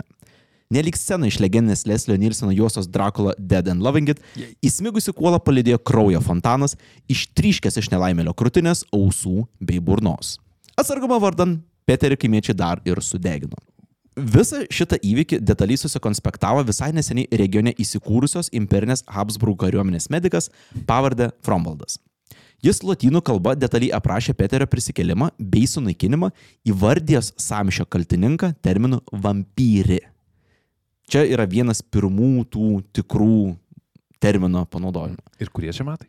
1725 pirmieji. Okay. Frombaldo ataskaita iš kažkur pasigavo vietinis imperinės sostinės vienas laikraštis. Taip atveriant vampirizmo fenomeną ne tik mokslo žmonėms, bet ir platesniai vakarų visuomeniai. Jei Peterio tikslas buvo paskleisti vampirizmą, jam tikrai pavyko. Bet, kaip sakoma, vienas kartas dar nieko neįrodo.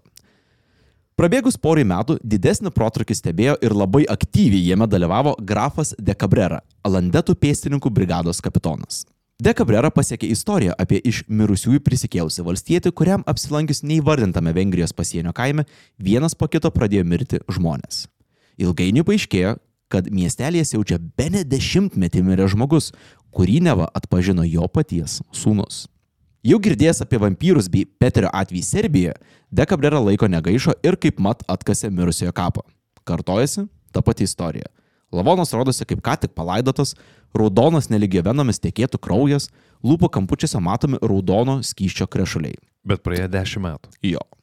Ir grafas, žinoma, ką padaro, nukerta lavonui galvą. Vampyrų medžioklė Dekabrerai matomai patiko, nes vėliau sekė dar keli panašus atvejai, kuomet jis, stebimas valdininku, galabijo karste gulinčius vampyrus. Vienam vienimi perdurė kaktą, kitą iškart sudegino. Svarbiausia šioje vietoje, kad įvertinti grafo veiksmų teisėtumui, nes kilo klausimų, Habsburgo imperatorius Karolis VI išsiuntė ištisą valdininkų, teisininkų, gydytojų, chirurgų ir dvasininkų gvardiją. Kiekvienas jų susidūrimų su tariamais vampyrais aprašė ir nelik turistai Italijoje COVID epidemiją išnešiojo po visus imperijos kampus. Čia labai labai svarbu paminėti, kad Serbija ir Balkanai Habsburgo teritorijoje buvo atsiradę ką tik. Čia yra pirmi 10-15 metų nuo tada, kada jie išmetė Otoman, Osmanus visiškai ir tapo kaip ir vienvaldžiai, vienvaldės galios centras ten. Tai jiem visa šitai yra nauja. Jie nežino, kad dylina su slavų folkloru. Jie su savo biurokratija atvažiavę, mano, kad jie pamatė kažkokį naują reiškinį, kurio niekada anksčiau nebuvo. O visa toj darbo grupė nuvarė už tuos Habsburgų pinigus, tai jie nesakys, kad, nu žinai, ką tu čia ištaškai veltui tą. Tuos guldenus. Žinok, čia yra blogai, yra blogai. Nes alternatyva, alternatyvi istorija, kurią jie būtų galėję pasakyti, kad mes turim į vieną iš mūsų pėsininkų brigadai vadovauja bičias, kuris mėgsta atkast kapus ir kapot galvas lavonam. Čia yra alternatyvi, alternatyvi versija. Tai Gal galim pasirinkti. perfrazuoti šitą. Jo, taip, Geriausia man dalis šitoje vietoje yra, kad jie paskui išnešojo Taip. vampirizmą. taip, šitą gandą vis toliau ir toliau ir toliau. Ir jeigu turėjom Peterio atvejį, kuris šiek tiek suruseno vieną spaudoje, bet tai sąmonį pasisėjau. Vampyras kaip tikras reiškinys. Turim antrą atvejį. Su... Realiai Dekabrera yra pirmasis vampyrų medžiotojas. Ta prasme, jis, jo darbas buvo varinėti, ieškoti kapų ir žudyti vampyrus. ane? Ar jis yra Buffy pro, pro, pro, prosenelis? Jis toks de Helsingas, nežinau. Vampyro Peterio bei kraujo čiulpių skerdiko Dekabreros istorijoms nespėjus atvėsti, šviežio kraujo ant stalo šliūkštelėjo įvykiai Serbijos Medvegijos kaime netoli Belgrado. 1727-aisiais iš karo tarnybos parvykęs serbas Arnoldas Paulė planavo ženytis ir ramiai leisti dienas ūkiją. Tačiau su savimi parsinešė ir tamsią paslapti. Yeah. Turkijos pasienyje jį užpuolė graikų vrikolakas, vadinama būtybė. Nors Paulė bandė išsigydyti, išsitrindamas būtybės kapo žemė bei jos krauju, kažkaip taip jau nutiko, kad pasveikti nepavyko. Paulė namie pasimirė, o po 40 dienų sugrįžo vampyro pavydalu ir pradėjo vieną po kito žudyti vietinius gyventojus. Naujai iškeptas vampyras pasirodydavo tik naktimis ir galėdavo pralysti pro užrakintas duris ir uždarytus langus. Greit sumetę, kas vyksta, vietiniai suskubo atkasti Paulės kapą ir susitvarkyti su problema. Atvėrus karsto dangtį pasitiko labai panašus vaizdas į tą, kurį ATR istorijoje aprašė Gengelis. Rausva oda, šviežias kraujas aplink lūpas, jokio pavėsio kvapo. Slaviško vampirizmo ekspertas Janas Perkovskis aprašo pačią ekshumaciją. Pamatę kūno būklę, stebėtojai įsitikino, kad prieš jų akis vampyras. Kuomet, sekdami seną tradiciją, jie suvarė vampyrui kuolą į širdį. Šis išleido nuožmų riksmą, o jo kūno pasipylė kraujo fontanai. Ta pačią dieną vampyro kūnas buvo sudegintas, o jo pelenai supilti atgal į kapą. Kiek yra mokslinės logikos tame, kad aš, kad ir ką tik, nu arba prieš ten savaitę mirusio žmogaus kūną, jeigu aš jį perdursiu su kuolu, ar gali įvykti toks reiškinys, ar čia yra visiškai vaizduotės vaisius? Visiškai gali. Ta prasme, Gali. principė, Let's put it it. kūnui ten pūnant viduje pasidaro daug daugiau tyręs tam, kad būtų kraujo fontanas koks nors iš šito. Tai visiškai, visiškai gali nutikti šitas, šitas dalykas. Ar yra įmanoma, turbūt, kad jeigu tu kažkokiu būdu trenki į plaučių, vis tiek link širdies trenkia, ne? Mhm. Ar yra kažkiek plaučiai sudyla, nu, sudūla vis tiek supūna, Bet ne? Jie nebeturi oro. Jeigu kažkokio. tavo vocal cords, ne, yra balso balso stygos. balsas stygos vis dar veikia, tai Mhm. visiškai gali suvirpinti kažkiek. Plus nepamiršim, kad kalbam apie žmonės, kurie atkasi jau tikėdamėsi vampyrą. Jie jau mano, kad ten yra vampyras. Tai bet kas, kas be nutiktų, nors truputį į tą pusę bus tik tai patvirtinimas, kad tai yra vampyras. O ne, Nes tai tu jau ateisi su tą nuostatą, kad tu ieškai šito dalyko. Tai tarp gyvo žmogaus ir skeleto yra uh, žmogus dūdmaišis. Tokia uh, žingsnis. Jo, tai šitoj vietoj e, gali būti ir tas ar ne iš oro išėjimas, tas vadinamasis death rattle, kuris gali dar būti ir po kurio laiko lavonui gulint. O kitas tai turbūt jo, kaip ir Vilius gerai sako, ten užtenka turbūt, kad kažkur, nežinau, pūsteltų vėjas arba upteltų kažkoks tai apuokas ir viskas, visi eina iš proto ir tiesiog pradeda kapot galvas. Ale laikai kokie buvo. Būtent, čia yra visiškai laiko bruožas, nes mes dabar kalbam apie žmonės, kurie mato daugiau nei 10 mirusių žmonių aplinkui ir eina ieškoti kaltininko. Štai jie visi jau yra įbauginti ir jau ieško atsakymo. Plus, kai mes kalbam apie žmonės, kurie perdurdavo, kurie kirzdavo galvas ir panašiai, apart dekabreros atveju dažniausiai tai būdavo vietiniai kaimiečiai. Mokslininkai vadinamieji tuo metu jie stebėdavo ir užrašinėdavo istorijas, nelabai aktyviai dalyvaudami to situacijoje, kaip tikri mokslininkai, žinai. Ne, Jo. aš čia tik mokslininkas. Taip, ne. taip. Bet dalykas tas, kad jie tą priimdavo kaip labai tikrą įvykį, gal nelabai keldami klausimų papildomų.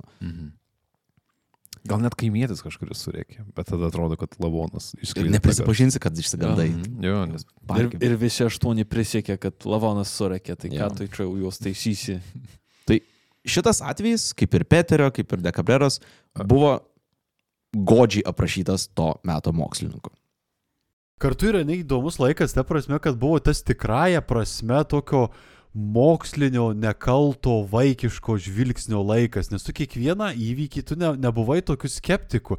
Tau kiekvienas įvykis, kuris kažkieno yra perpasakotas arba kažkaip tai paliudytas, yra legitimus tyrimų objektas. Šiai dienai, ar ne mes, mes juokiamės, iš ten kažkokių, ka- kažkas liudyja apie dvasias ar kažkas tokio, kai tu pagalvoji, kad buvo ar ne laikas, kai žmonės bandydavo manipuliuoti fotografijas, kad pamatytų juose ektoplazmą ir visą kitą. Labai irgi įdomus laikas, nes yra visiškai nekaltumas toks mokslinis, kur, kur tu stebiesi viskuo, ką tu ma- pamatai ir tai tyrinėjai tiesiog metodiškai.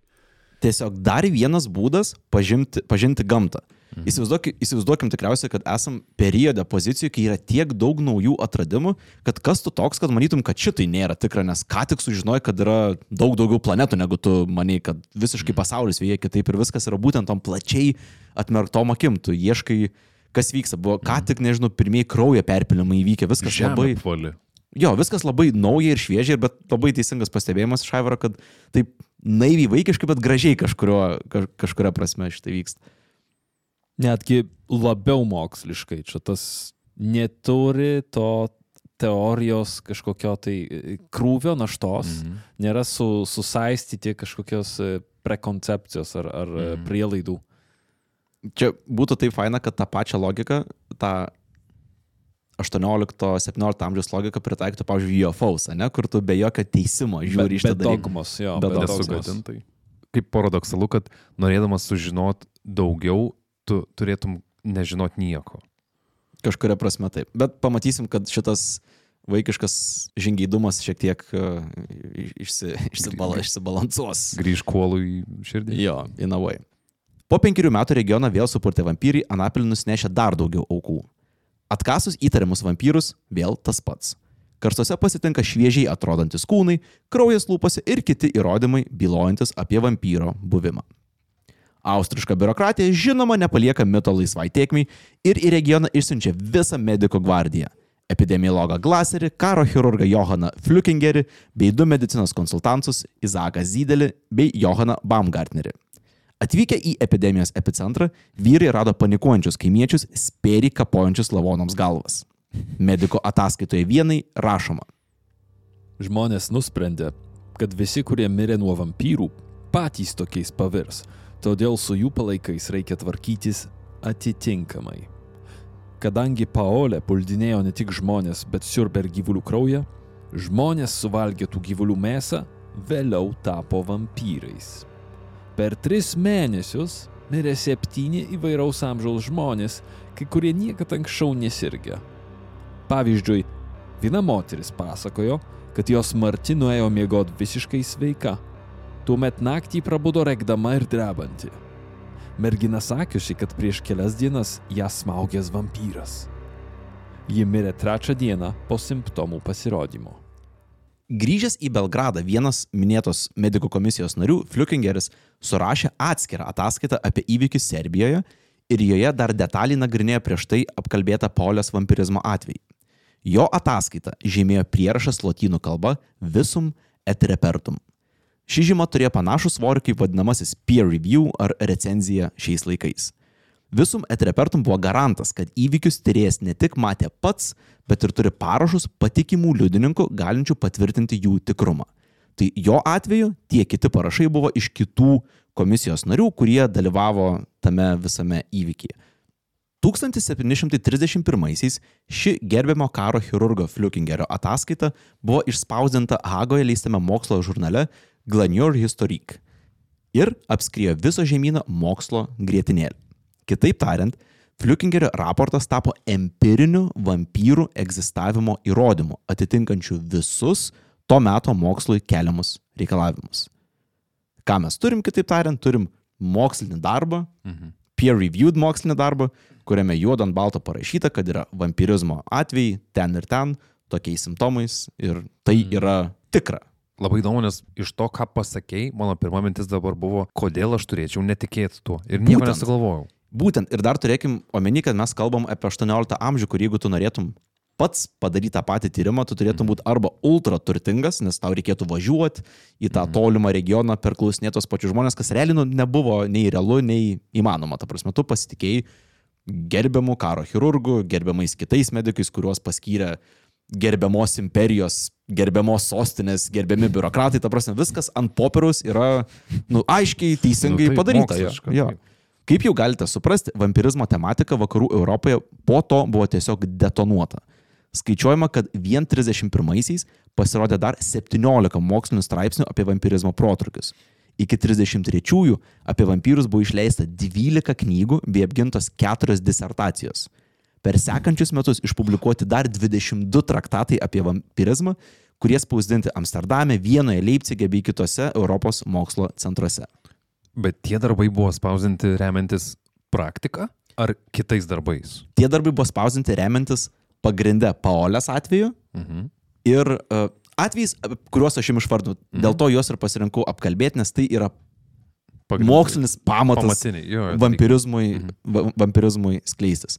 Vėliau, už pusantro šimto metų beveik, bus pradėta kelti klausimų dėl šaltinių patikimumo, Mhm. dėl žmonių, kurie matė įvykius patikimumo ir kiti dalykai. Bet tuo metu tai buvo visiškai sensacija, tikra sensacija. Vampyrai yra tikri. Tai 18 amžiaus pirma pusė yra tas laikas, kada užgimė Van Helsingas, tas toks e, stereotipinis vampyrų medžiotojas. Čia jau atrodo atsiranda kažkoks toks, vat, turtingas vakarų europietis, kuris turi mokslinį išsilavinimą, keliauja kažkur Mhm. a, ir atlieka tyrimą, surenka parašus. Žino, apie ką šneka, nes apsigynė disertaciją Mhm. e, jėzuitų mokykloje kažkokiai, tikriausiai. Labai teisingai užčiapi iš tos pusės, kad kalbam apie tą figūrą mokslo žmogų, kuris siūlo būdus, kaip kovoti su vampyru. Ne? Jisai būtent eina, ieško, e, kaip reikėtų tvarkyti su šito, bando analizuoti tą tuo moksliniu, sakykime, metodu ir kovoti su vampyrais. Taip, ta prasme, jo, taip, visiškai.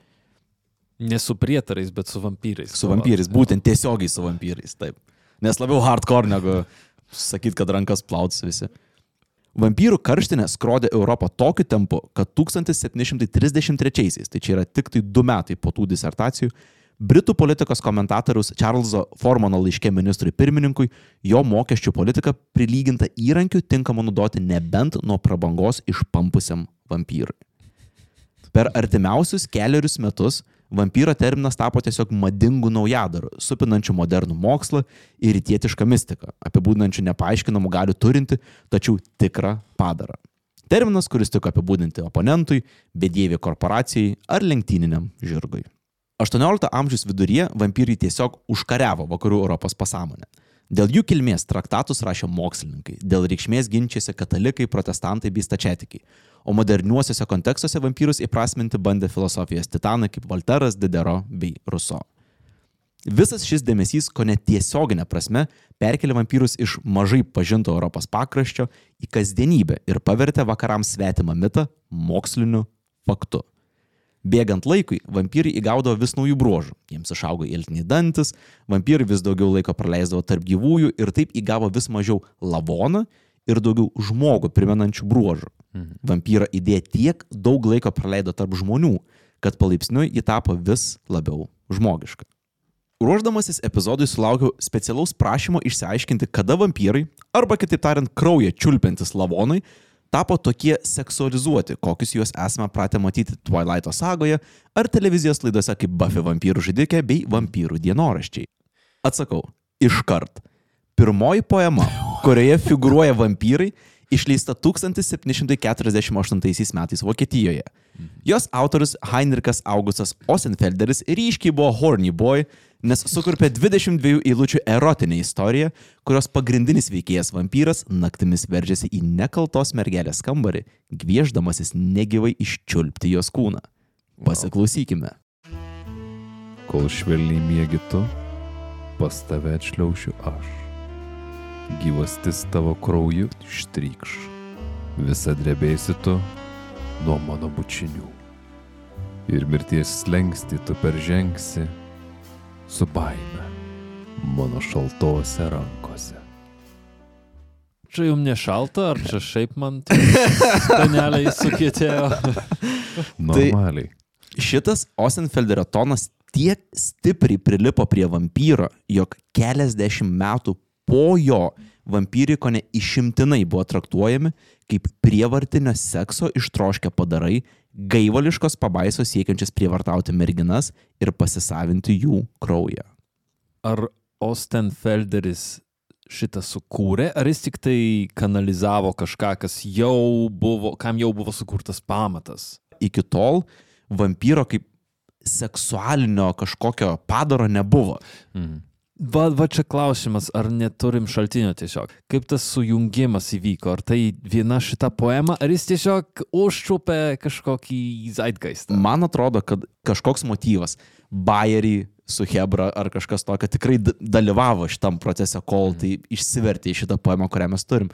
Bet šitai yra pirmas apčiuopiamas atvejis, kai vampyras yra seksualizuojamas ir kartu tai yra pirma poema, kuri kada nors buvo apie vampyrus. Tai Bet tai čia labiau autorius transliuojamas seksualumas, o ne atspindys to, kaip prieš ne, tai buvo vampyrai iki tol buvo folklorinė pabaisa arba, mm. arba moksliškai įrodyta pabaisa. Žinai, U, gal neseksuali niekaip. Ei, o gal čia pirmasis fetišas, kuriam padarė įtaką folkloras? Čia kažkaip visiškai praleidžiam tą, kad yra būtybės folklorinės kaip sukubai, kurie savo esybę yra seksualinės irgi būtybės demonai. Sukubės. Sukubės Sukub. yra moteris visą laiką, inkubas yra Inkubas vyras. yra vyras jo. Ar taip sunku įsivaizduoti, kad tiesiog, a, nu, va, tam pačiam vadovėlį perskaičiau apie šitus demonus ir apie šitus demonus ir kažkaip jie tampa vienu galvoj. Visiškai ne. Aš ne, nemanau, kad problema yra tai, kad atsirado seksualizavimas paties padaro, ne kažkokio, bet mhm. visai yra įdomu, kad vampyras iš karto tampa seksualizuotu. Jo pirmas literatūrinis apsiriškimas iš karto yra tai, į ką mes vis dar dabar įdedam. Bet apie šitą eilėraštį turbūt įstabiausias dalykas yra jo formatas, ne, kad tai yra eilėraštis, mm. -hmm. nu, poema apie tai. Bet ar nėra, aš užsimsiu biškai kitą poziciją šitoje diskusijoje, ar tai nėra truputį uh, vampyro humanizavimas toks, kad jis irgi turi jausmų ir visų. Taip, visiškai yra. Nepamiršim, kad čia yra 1748, mhm. tai yra jau 12 metų viso šaršalo, kuris supa vampyrus.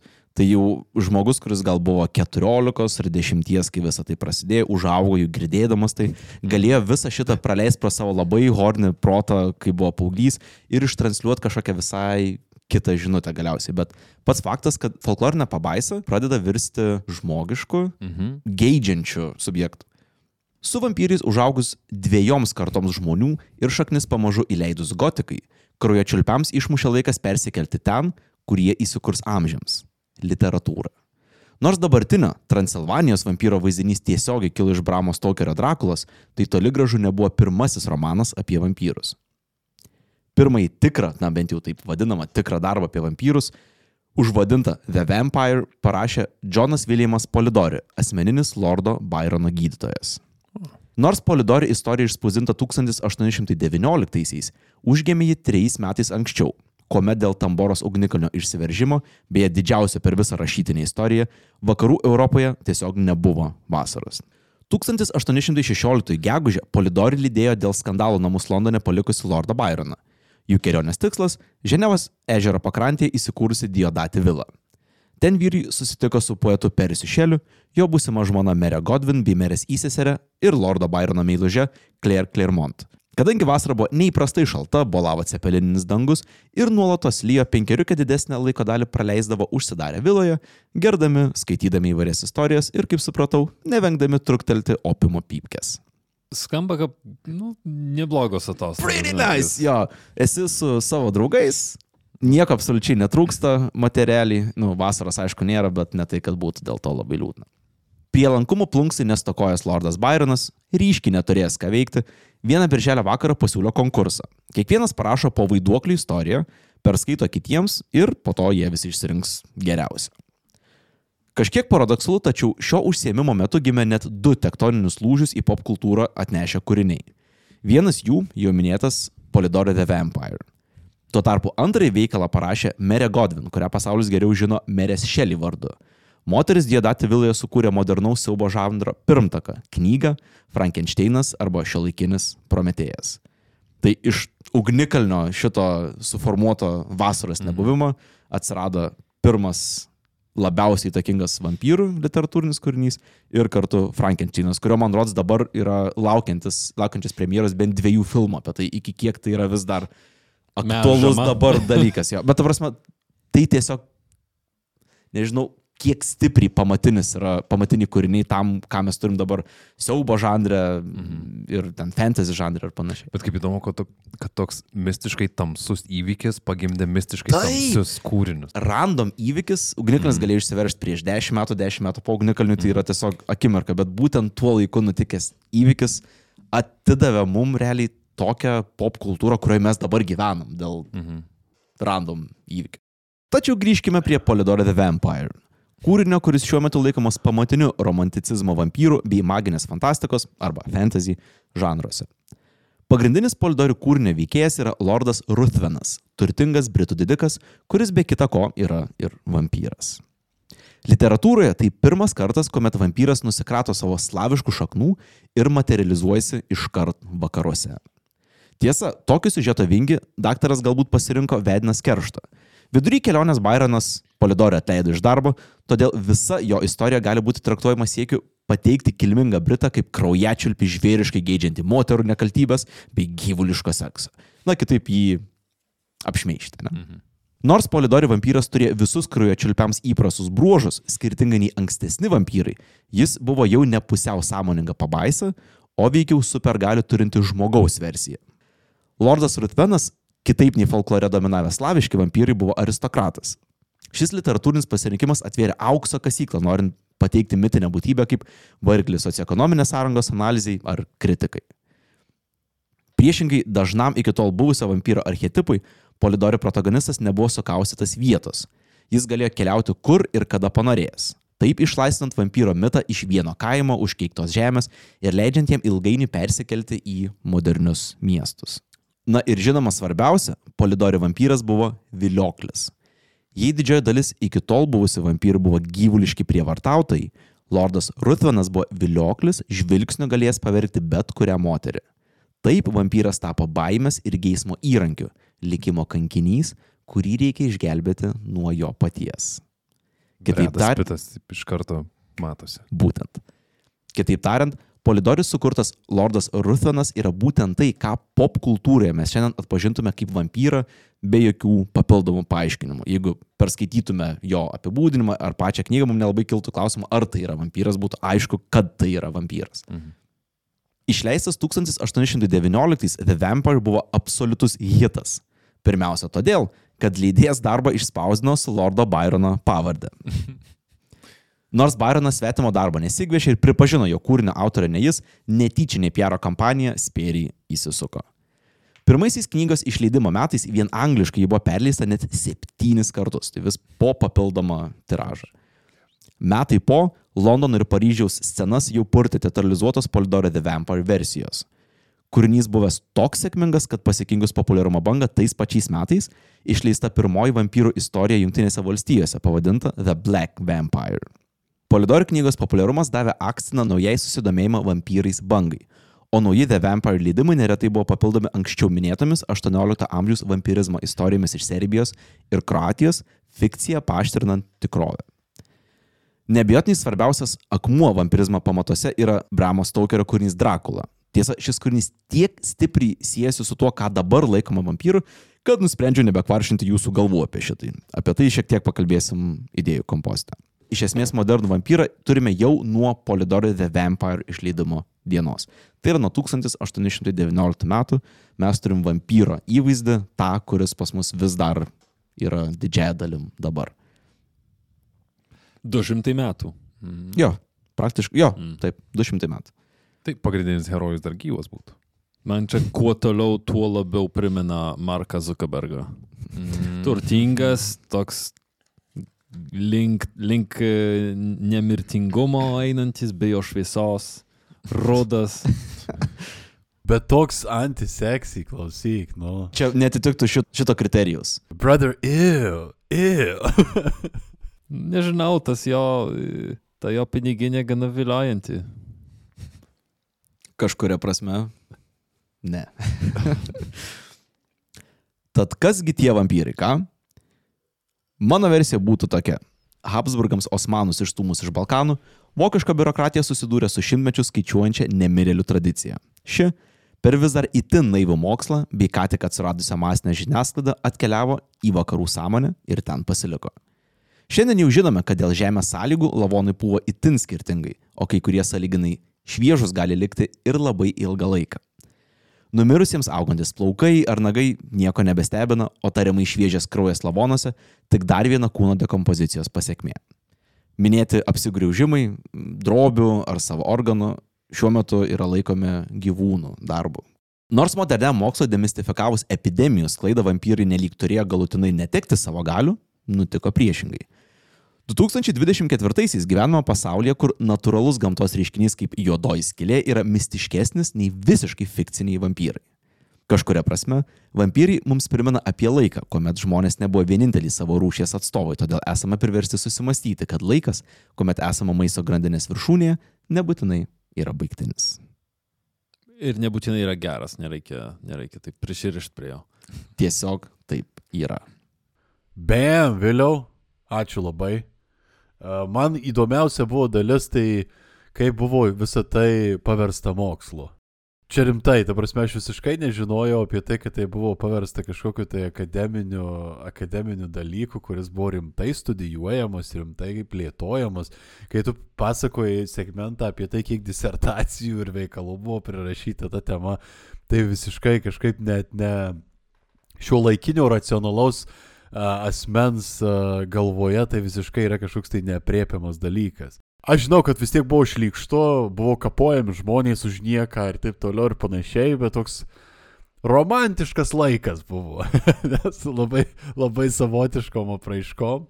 Kartais uh, galvoji, kad to mistiškumo šiandien trūksta pas mus žiūrint į gamtą šiek tiek. Tokio atviro, atviro būvio ar atvirų akių tam mistiškumui.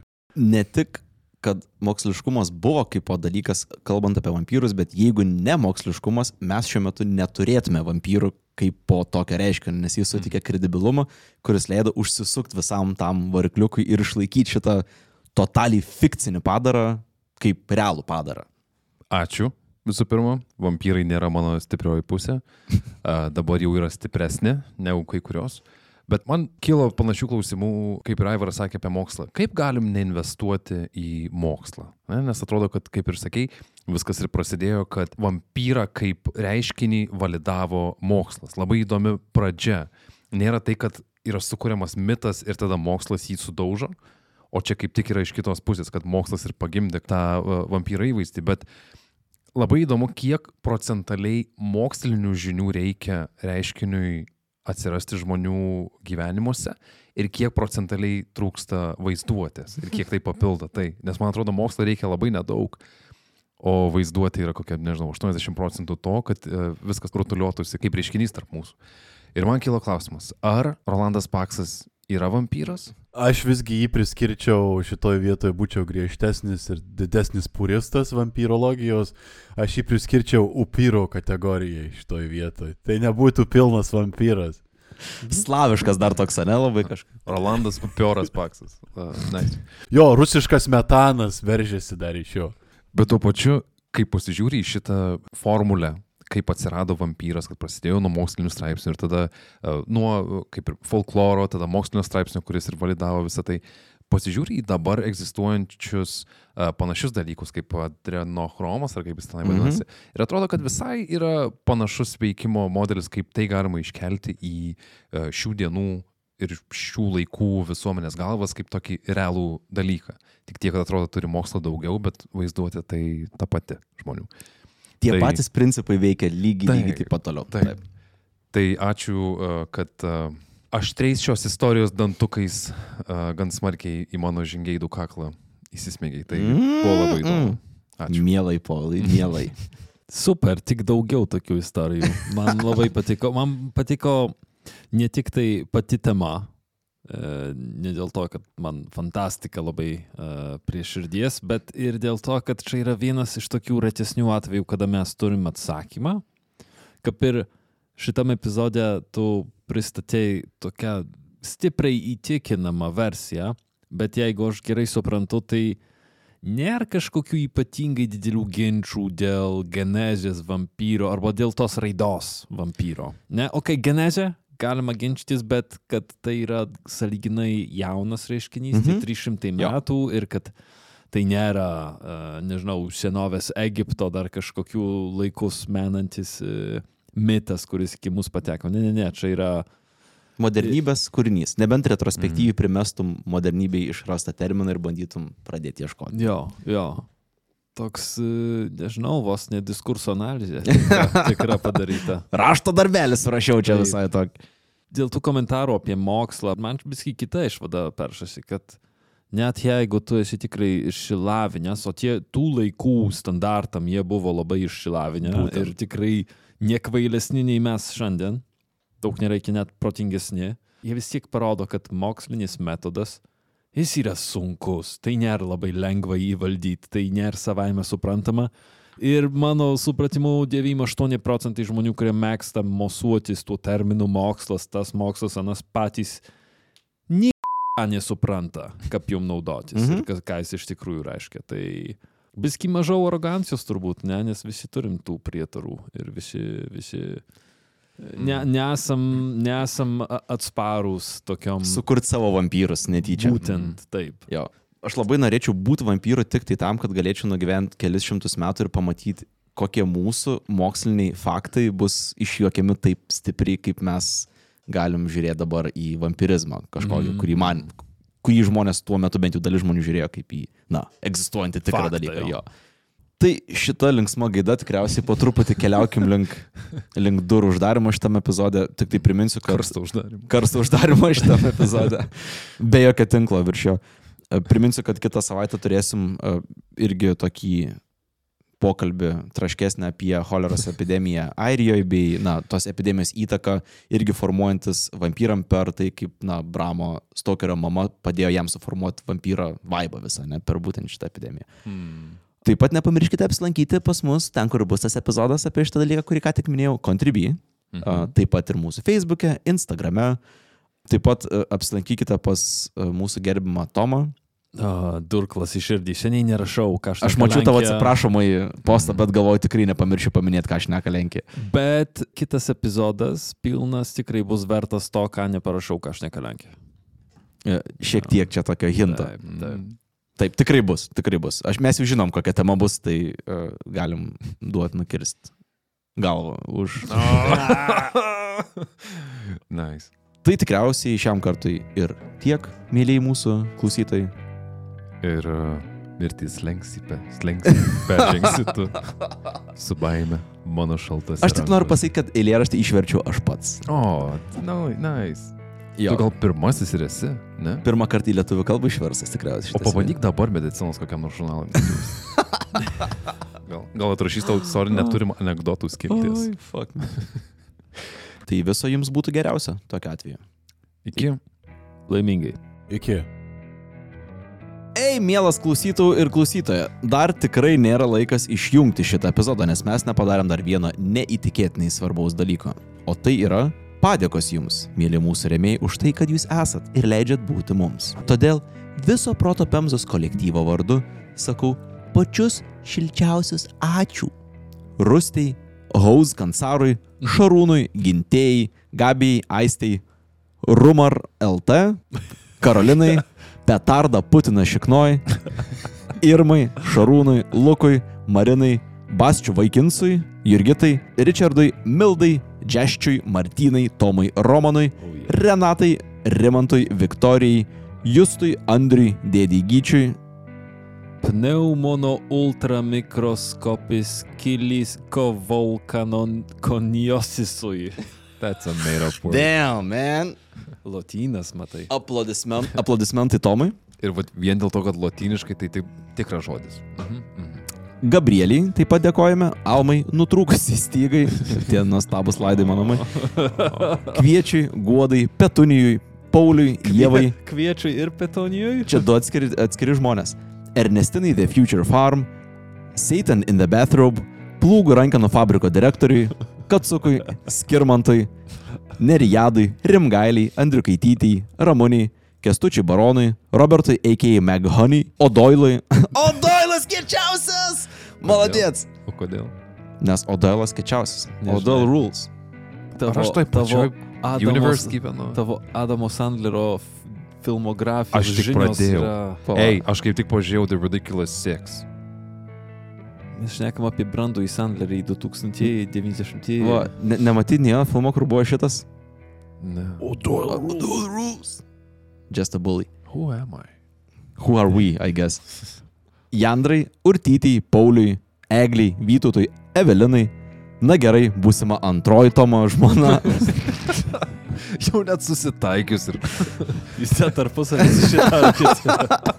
Atsiųskit save gal, tiesiog, kad būtų galima. Tomui tik pasirašyti reikia. Tikriausiai žmogui, kuris norėjo parašyti intergalaktinis briedis, bet parašė intergalaktinis briedis. Kamiliai, Gabysiukui, Karolinai, Sneaky for LTU, Julijai, Gvidonešiui 22 cm. Nice. Doviliai, Punsko masonų ložiai, O. Leonui, Sveikinimai. Tomai pats įsirašai čia. Linkėjimai namo. Domui, Mantikorai, Tomui, Soliukiai, Mantui, Giedriai, Vykintai, Gniužby, Gintariai ir Manai, Regimantui, Kiprui, Pavasarytai su gėlyte nupiešta, Guželiui, Arnui, Mariui, Indriai, Vitskuliui, Davidui, Simonai, Dainiui, Dviratbolui, Jaspiui, Davidui, Juratai, Ernestai, Evelinai, Aleksui, Vargo Pisuokliui, Žilvinui, Sauliui, Rimai, Pauliui, Neptūno bučiniui. O, jūs sneaky fuck. Jutai, Emai, Tomui, Kriokliui, kam tu šikiai majakį, Sprinteriui, tavo tėvo malkiniai, Rūtai, Agniai ir Vytutui, lygi tokie iš kivartų, Sigiui, Paulinai. Kartais tikrai atrodo, kad sveikinimų koncerte uh, būtų, nes yra Agniai ir Vytutui, lygi tokie iš kivartų.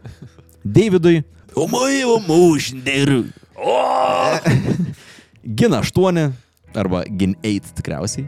Tomui, Kazimierai, Makaulizuokiui, Gvidui, Vitalijai, Jovitai, Mauai, Jutai, Daug tų gvidų. Kriogeliui, dingo šuo. Šiaip daugiau informacijos galėtumėt pateikti, jeigu dingo šuo. Antras, iškart po to sekantis vardas yra nerasta. tai, jep, Ro- Rokui, Gedui, Marijui, L. Duderina Taujanskui, Saint Ingridai, Nepraustam Prūsui, Kubekui, Karinai, Kestui, Andriui, Silvijai, brang, Brangiajam Pigiui, Martynai, Gintariai, Sauliai, Matui, Pauliui, Apanavkai, Jėvai, Legolasui, Metai, Zapiekankai, Gediminui, Nedai, Orinimui, Ūlai, Slapdadas, Laimonui, Si Simonui, Dietlovo Meškutėms, Laurinui ir Godai, Selvinai, Laurai, Brisiaus Priekiui, Ignui, Airidui, Aurimui, Butkeliui, Gabrieliai, Paulinai, dar vienam Tomui, Marčiniui, Diončiui, kulminaciniam taškui, Pijui, Mantui, Mykolui, Tomui, Šiurpiai, Arnoldui, Šarūnui, Zygimantui, Robertai, Linai, Mantui, Martinai, 1485 paskambink, maladėts. Kuzmicui, Tomaš, Rasyti iš Braškyčių lysvės, Justinui, Pachmėliauskaitai, Arūnui, Igniai, Reitanui, Unicorn, Linui, Jonui, Vazoniniai Beždžioniai, Dratiniam Šepečiui, Vietiniam, Spartan the Beard, Viliui, Povilui, Sūnui Palaidūnui, Pauliui, Laimai, Tomui, Saidai, kas skaitys tas Zajebys, Tomui, Martynui. Sozi, Justinai, komisijos policariatui, Minlegui, Martynui Deimantai, Rūteniui, Gabrieliui, aš myliu ananasinius vaflius, Maladės, taip. Va. Fo, bet ačiū, bet fo. Agatai, Garino Atsta, Medai, Titui, Erikai, Emai, o taip pat Skalvijui ir žinoma, Šiaip vėliau yra nuostabu, kiek tai iš atminties gali vardų pasakyti. jo man net nereikia. Jūs galvot, kad mes skaitom, bet mes iš tikrųjų tiesiog mokam mintinai. Jo, Aš net skaityti nemoku. Tai. o taip pat Mariui, Demjaškiui, Dijai, Viteniui, Skrusdėlytai, Šarvuotui, Birutai. Šarvuotai, Birutai atrodo galėtų būti. Bropniukui, Žilvinui, Retro, Lukui, Laurinui iš Alytaus, Ramūniui Pievai, Rokui, Mikolmorui, Kamiliai, Tomui, Povilai. Ačiū. Gabrieliai Vytautui, Martynui, Marijui, Ramūnui, Aneliai, Godai, chemijos gydytojai, Tomui J. Jis, vat ir ne. Evelinai, Gretai, Krepezai, Krapez. Bobiui, Bobiui, Austėjai, Edgarui, Egliai, Eglynui, interdimensiniam technobildukui, Egliai, Navickų džiaugsmui, Pauliui, Daivai, Nedui, Rokui, Tadui, Tadui, Brisiui, Henkai, Ingridukui, Almukso mamai, Gintautui, Edvardui, kas skaitys, tas skaitys, o man nepasisekė. Ką padarysi? Meškaukiai, Modestui, Agent Cooper, kiek valandų? Po 12. Vidurnakčio, Jo, jau po vidurnakčio. Pegiamot on Ice, Pauliui, Andriui, Katslionkaitai, Gestinai, Laurinui, Jurgiui, Kičiui, Tumui, Tadui, Linui, Ryžam Gaurui, Modilio, Gedrutį 13. Gedrata neklausyk mūsų, jeigu tau 13 nežinau. Dar 12 prieš tai gidrotiu. Uh, O, jeigu iš tos pusės žiūrėt. Čia kaip Karolis 6, net. šiaip Gedrutės 13 e-mailas yra Andrius. Kažkas kom. Okay. Andriau, busted. Mm. Gal Šerina akantą.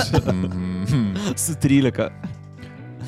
Darijo, Inesai, Ignui, Elenai, Donatui, Marinai, Lukui, Elvinai, Jurgitai, Storaitai tavo mamai, nežinau apie ką čia, gitarai, nausėdai, o rašiau VG, Beatai, Ulai, Martinai, Sigitai, Agniai, Redefime, Eimučiui, Laurai, Andriui, Martynui, Editai, tai pačiai Dainiui ir Mantui išlikščiam seniui, Pauliui, Ananasinių vaflikų gurmanui, smagu, kad, Kad esat. jau du turim Ačiū.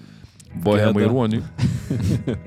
Bohemai Ruoniui, Domantui, Simonui, Jovariui, Luigi, Šakočiai be šakų, Almuksui, Mantui, kunigo liupams, Orintai, Juozui, Čiharai, tyliai, tyliai, Major Tom, Sigitui, Juozui, Dėdui Bybui, Špompeliui, Rimantui, Vilmai, Aurimui, Kopūstai, Martynui Šraufus, Dianai, Tulpaitai, Liochai, Neringai, Neįviliai, Ugniai, pasikiškė kopusteliaudamai einančiai, einančiui tiksliau. Ir klotui, tautvidui, žiedūniai, neringai, kasiai, arūniai, katablankiui su katablankiukais, pelėčiukams, liūdai, man, mantui, daivai, milijonai, justinai, bėdnai, bet teisingai, martynai, godai, radžvilai, giedriui, erikai, tomui, mišigo. Ramikiai Artūrui Julijai Duke Silver, Uodo pateliai Dainorai Liniui Augitsui, Donuts, Justinai Nemuilink čia man akių, Benediktai Mantūsui, Mariui Dariui, Eksibo, Laimonui Vil, Pekabų Zebų, Kamiliai, Birutei, Tau tiek dar daug liko, kad tikrai dar nedidintum. Eimontui Viktorijai, Birutei Baronai, Povilui X. Neringai, Nikštukų fabrikėliui, Vaidui, Auksuokliai, Viktorijai Sum, Serbentinai, Laurinui, Rapolui, Gerdai, Barškalui, Mindaugui, Brigitai, Gretai, Renatai, Max Galingumui, MG, Vanago Vanagiai, Donatui, Jurgitai, Vaidotui, Vinriščikui, De... A, mano eilė. Dezoksiribonukleinui, Easy. Kiprui, Simai, Vos perskaita. Easy. Ai, aš iš atminties sakau. iš atminties sakau. Kiprui Simai, Migliai, Pauliui, Didžiam TV, Akviliai, Živiliai, Monikai, Tomui, Aden... Adenozintrisfosfatui. Kam reikėtų, suprat? Simonai, Artūrui, Donatai, Džiugui, Mindaugui, Koldūnų Vagiui. Nežinau, kiek ačiū. O, hamburger. Lietuviškas. Domantui, gal kam nors į pasimatymą. Ir rašo F.25, čia F tipo Female. Female Ah, 25. okay. Reinaldui, Martynui, Reptilijui, Ugniai, Kraujospūdžiui, Kotrinai, Pikto senio, Piktai Bobai. Šarūniai, Vytautui, Austėjai, Gabrieliui, Lagaminui, Pauliui, Arnui, Kosmoso kumeliai, Bučinskaitai, Ponui Jori Kompostui, o taip pat.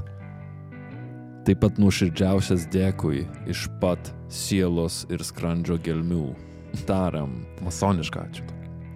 masonišką ačiū. Ir uh, jezuitišką. Gengeliška. Medžiui. Rasai Monikai, Justinai, Rūtai, Vilitai, Vaitcui, Antanui, Urtai, Egliniai, Viktorijai, MD, Pauliui, Renatai, Ptšč.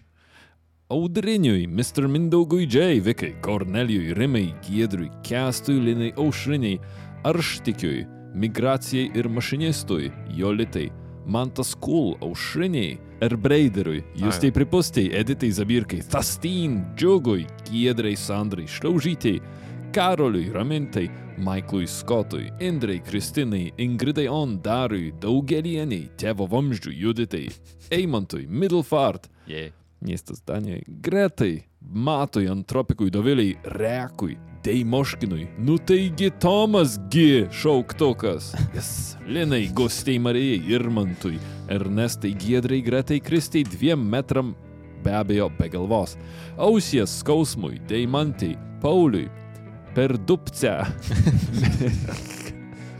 Melitai. Taip pat pasirodo mūsų remėjui www.baldaiska.lt naudoti odiniai baldai. Parašykite, ar pasiekė mūsų sąskaitą. jūs. Man labai patinka šitą vis populiarėjantį rubriką reklamuoti savo. Uh, Tai jau mašiną pardavė yra pasisekimas. Arūnui, Rūtai, Ryteniai, Ingai, Gretai, Silvijai, Robertui, Brisiaus pasididžiavimui, NordVPN. Rimai Pauliui, Redai, Brekštančiai Trydai. Agniai, Arnui, Mindaugui, Doviliai, Egliai, Meškai, Donielaitį, Robertai, Augustai, Mikiai, Pūrui, Gedruliai, Brisiaus Lencūgui. Šiaip Brisius daug dėmesio gauna. Jis Bet jau vis Bri- man atrodo. Bet jau buvo Brisius. Jo, Brisius gavo Čia visiškai alfa move buvo. Tiesiog brisim būt. Bet labai jau dalim paskutiniu metu. Ant pardavimų, žinai. Justui, Vytautui, Krapui tarp dantų, Darui, Agniai, Dėdėjai Tomui, nu, nežinau, ar, ar racist, bet Mantui. Akučkaitei, Tadzi kuti kuti kuti kučiui, Benui, Editai, Pukeliui, Linai, Egliai, Gediminui, Sauliui, Evelinai, Tadui, Vykai, Arnoldui, Raimondui, Solveigai, Pavlui, Raimondui, Viltai, Mykolui, Raimondui, Paului, Raimondui. Bitskai, Gretai, Jonui, Marijai, galimai pedofilui, Remigijui Žemaitaičiui, okay. Net, net pats reklamą nusipirka. Aušrai, Doveliai, Albinui, Imon Zimon, Elijui, Martinui, Rokui, Irmantui, Videopunk, Dievoje Gurkui, Gailiai, Inai, Monikai, Pisimantui Makštučiui, vėliau tau. Yeah, Remigijui, Darui, Inesai, Gintai, Ritai, Aglėje, Aidai, Kristinai, Skirmantai, Moni, Kotiai, Viliui, Emantui, Alvitai, Mariui, Vytautui, Julijai, Egliai, Tomui K, Tomui B. Yes, yes. Robertui, Pavlui, Jorindai, Roko sesė, brūkšnys šypsokimės, brūkšnys Gretai. Kam reikia tas supras? Tik šipsotis. Vis arčiau sveikinimo koncertą, sakau. Einam tą linkmę. Paskui bus tokia, miela Marija. jo, jo. Per keturias ekselį eilutės. Ir uh, Povilaičio dainos lyriksai kokie. Gera buvo gera, čipolindai su tavim.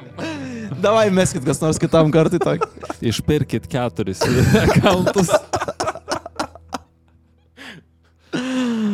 Mildai, Mažinitui, Andreliui, Dominykui, Rasai, Rūnui, Justei, Marijui, Marijui, Sakmai, B, Bys, Arminui, Šarūnui, Rūtai, Auritai, Justinui, Venskūnaitė, Konigūndai, Mirandai, Kugiai Mugiai, Mikui, Ainui, Eirimai, Justinui, Domantui, Rolandui, Gabrieliui, Benui, Tomai, Erikai, Gretai, Medoniui, Rasai, Akviliai, Ufonautui, Nešeipindrai, Edvinui, Sauliui, Arvidui, Burbalicious, Nastiušai, Linai, Brigitai, Vaidui, Simonai, Volter, Pankui, Dr. Known.